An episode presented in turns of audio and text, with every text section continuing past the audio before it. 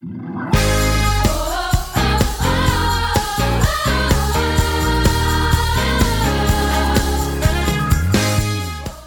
to the City Church International podcast. Each week we launch new teachings and preachings from our Sunday service. We hope it will encourage you in your relationship with Jesus and empower you in your everyday life.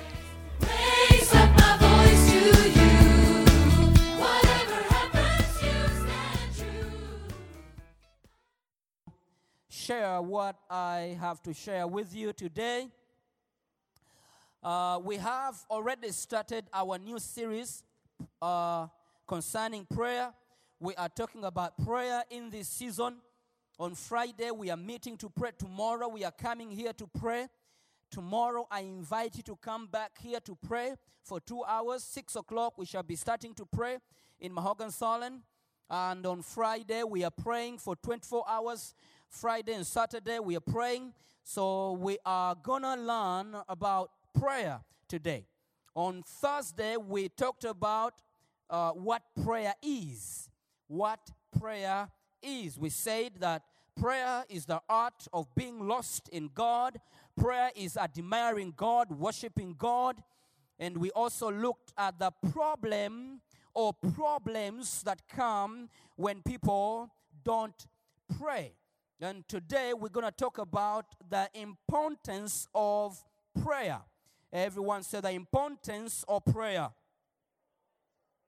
The importance of prayer. That's what we are talking about today. So get your Bibles out and your books. Write this down. The importance of prayer. Write it down. The importance of prayer.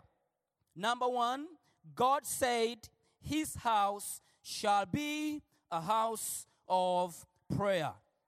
We are talking about the importance of prayer. God said, His house shall be called the house of prayer. He named His house. God loves His house. God take care of His house. He loves His house. And He said, My house shall be a house of prayer. Let's go to Isaiah chapter 56, verse 7.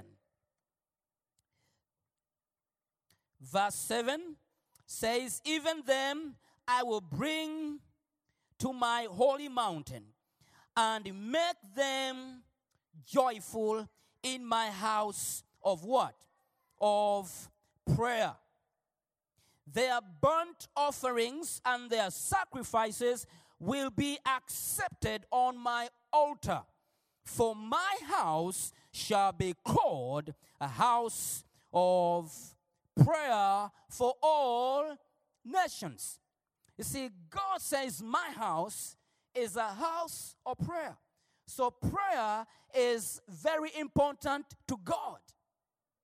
Prayer is very important to Jesus. Prayer is very important to heaven.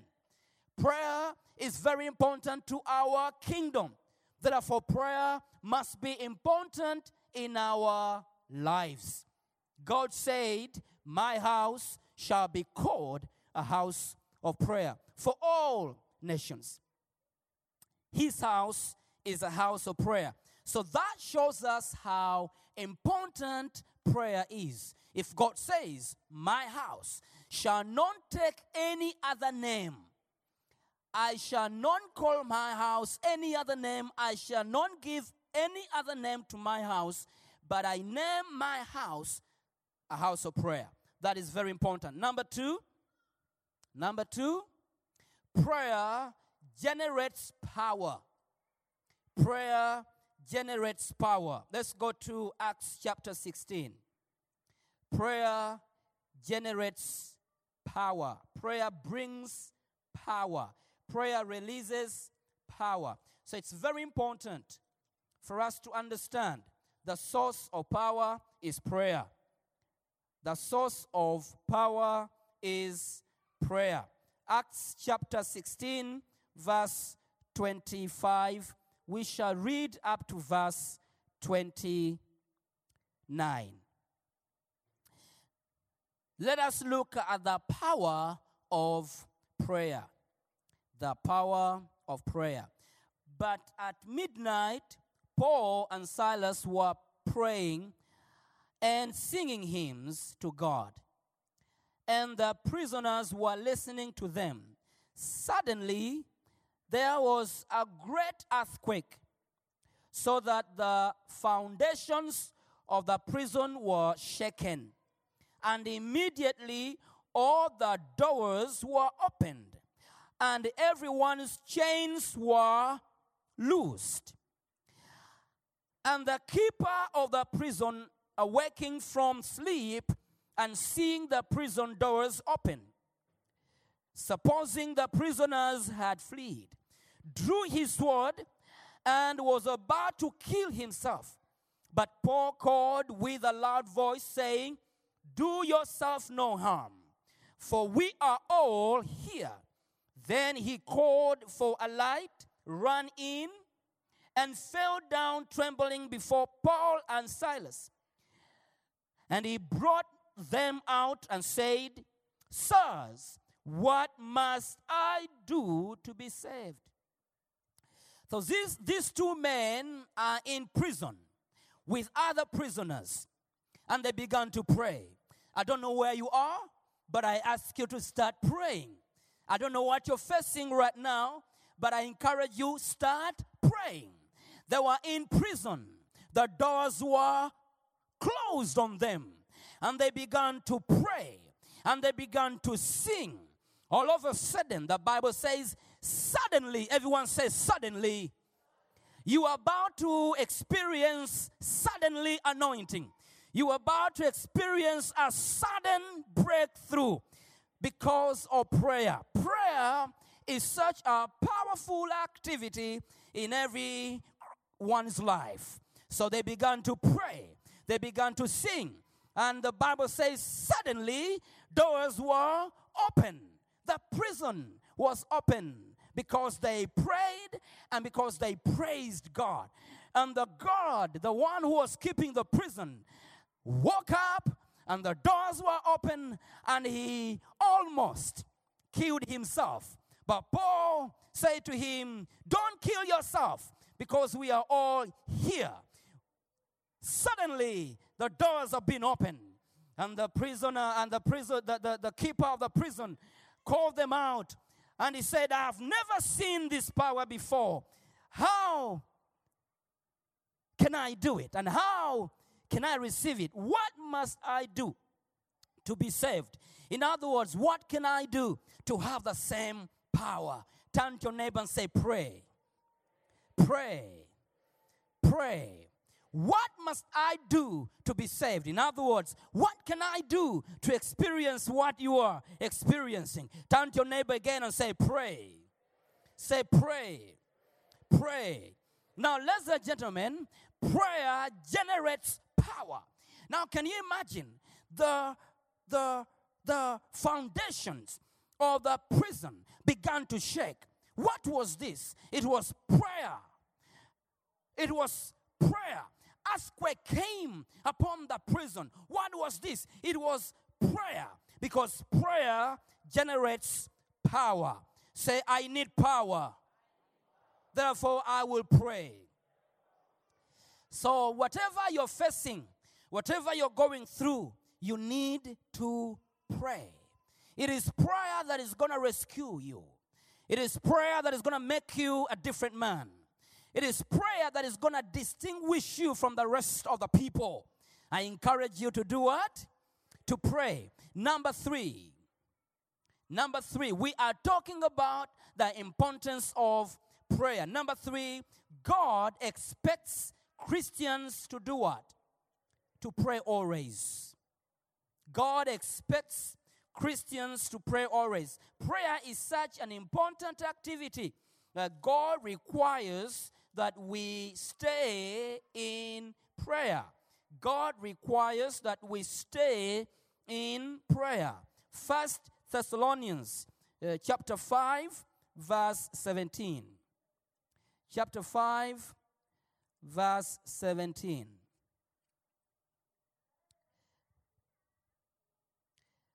Okay, it says, verse 17 says, pray without ceasing. In other words, do not stop praying. Whatever happens, don't stop praying.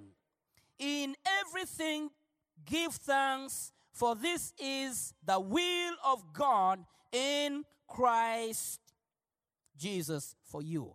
The will of God is for his children to stay in prayer. The will of God is his children to stay in prayer. It says, pray without ceasing. In other words, do not stop praying. When you are happy, stay in prayer. When you are in trouble, stay in prayer. When you are shaken, stay in prayer. When problems come your way, stay in prayer. When God blesses you and He gives you a breakthrough, never forget to stay in prayer. Prayer is such an important activity in every Christian's life. God requires that we pray. He says, pray without, pray without, pray without. I pray that the spirit of prayer will come upon your life. I pray that the spirit of prayer will come upon your life. I pray that the spirit of prayer will come upon your life. I pray that the spirit of prayer will come upon your life. Let us go to First Timothy chapter 2. First Timothy chapter 2 verse 8.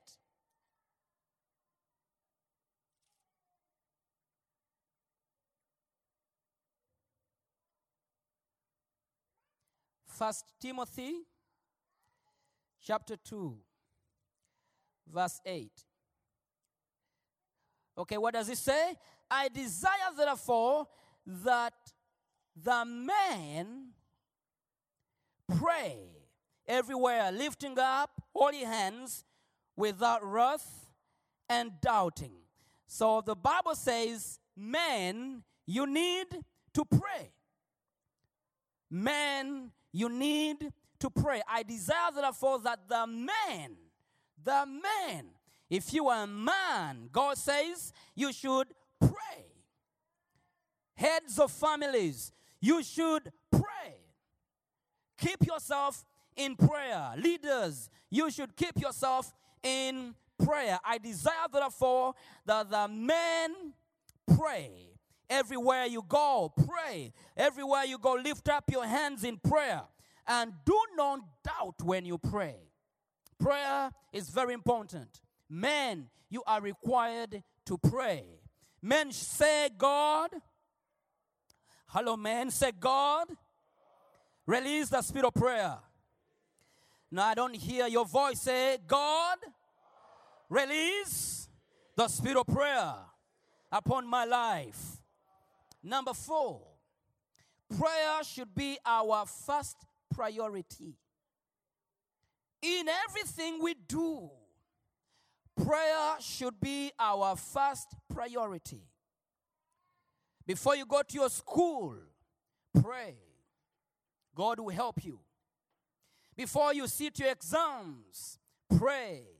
God will help you. Before you go to work, pray. God will help you. Prayer should be our first priority. Now, if you have a list of things that you must do, prayer should be on the top of your list. We should make it our first priority. First Timothy chapter 2 verse 1. It says, Therefore, I exhort first of all that supplications, prayers, intercessions, and giving of thanks be made for all men. First of all, I exhort I exhort first of all that supplications, prayers, intercessions, and giving of thanks be made for all men. First of all, you should pray. Before you do anything, before you start to tell your story, pray. Before you pick up uh, your telephone to call your neighbor to explain what you're going through, pray. Start with prayer before you do anything. Start with prayer. Start with prayer. Very quickly, I want to go through the lessons we receive from Jesus' life about prayer. What do we learn from Jesus' life of prayer? After knowing that it's very important, we also need to look at Jesus' life of prayer. Probably that will also encourage us. And today, we're going to pray that the spirit of prayer will come upon us.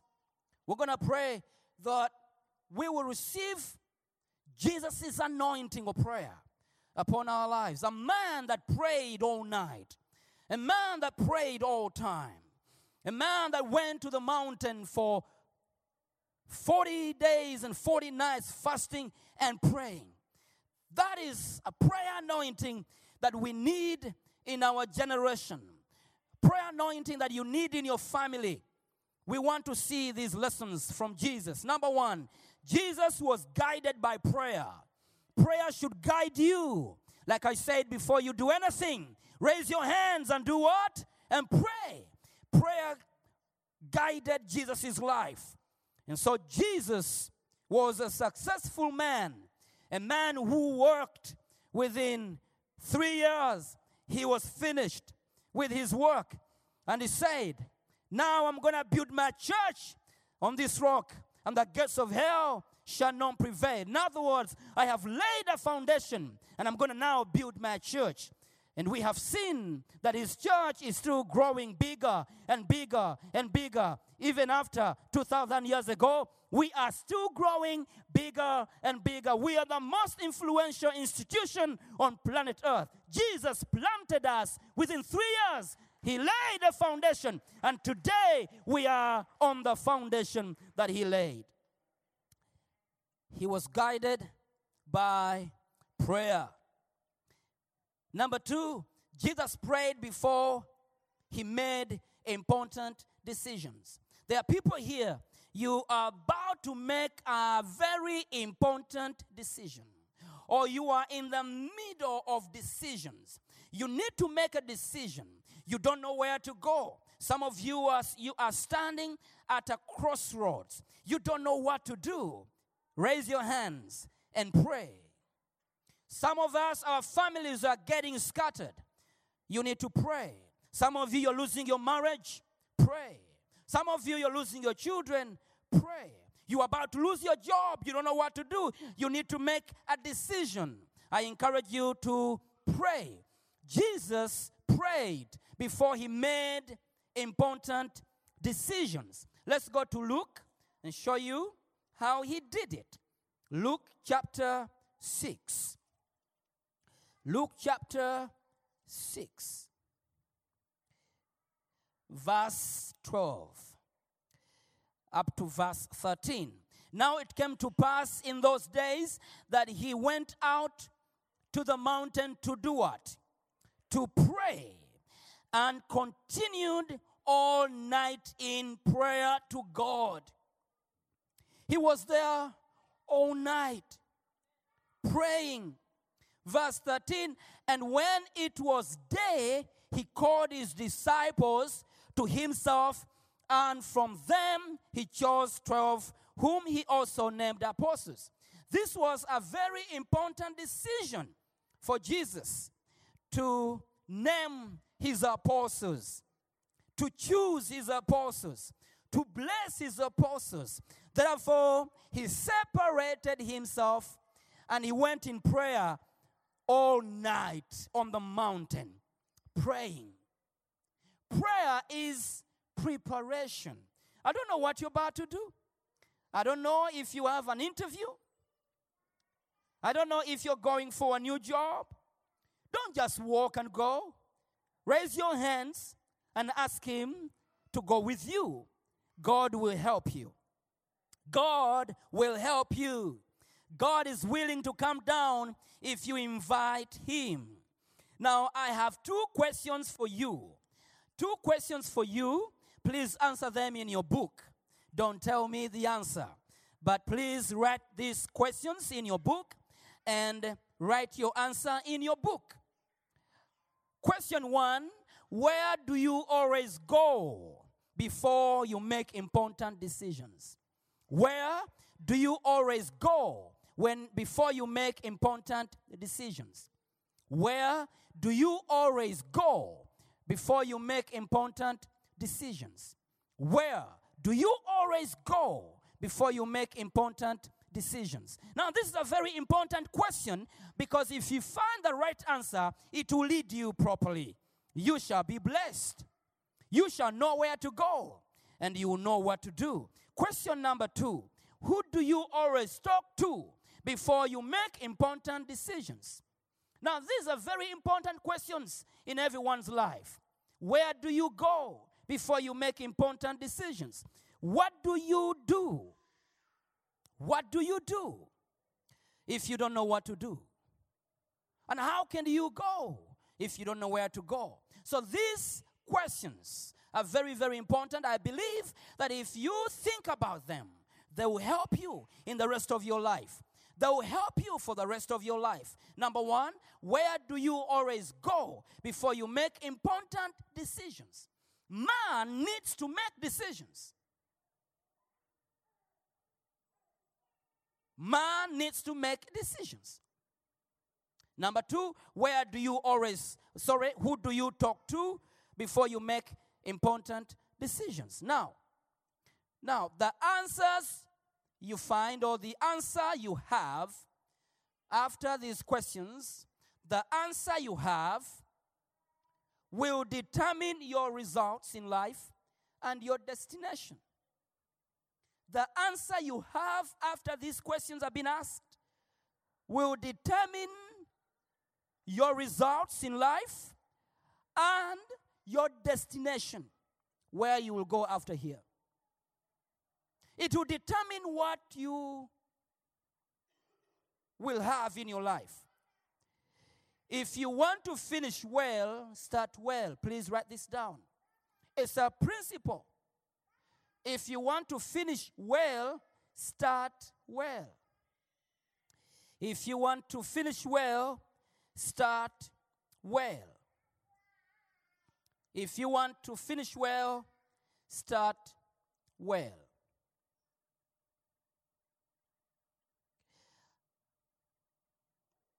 Okay? I want to finish with this one. Number three. Lesson three. When you read Luke chapter 19, eh, 18, sorry, Luke 18, verse 1, Jesus told us to persist in prayer and not lose heart. And he gave an example of a widow who needed help from a judge, a judge who feared no God and regarded no man. In other words, this man was not willing to help this widow. But the widow persisted and went to see this man every single day. Every single day. Every day when the judge went out of his house, the woman was sitting there. Every morning he came out of his house, the woman was sitting there. And you see, the judge was tired, but the woman never stopped. Don't stop praying. Don't stop praying. And so she sat there every day, every day she sat there until the judge said, This woman will not stop bothering me if I don't give her what she wants. Eventually, the judge gave her justice, gave her what she wanted. And so Jesus says, Do not lose heart. In other words, persist in prayer. What does this mean? Sometimes things will be difficult. When they get difficult, don't sleep. When they get difficult, stop dozing. When they get this difficult, stand up. Raise your hands. You got to get tough. That's what Jesus is saying. Keep on pushing. Keep on praying. Do not stop. Because sometimes life will not be fair. And when life gets unfair, don't sleep. Don't give up.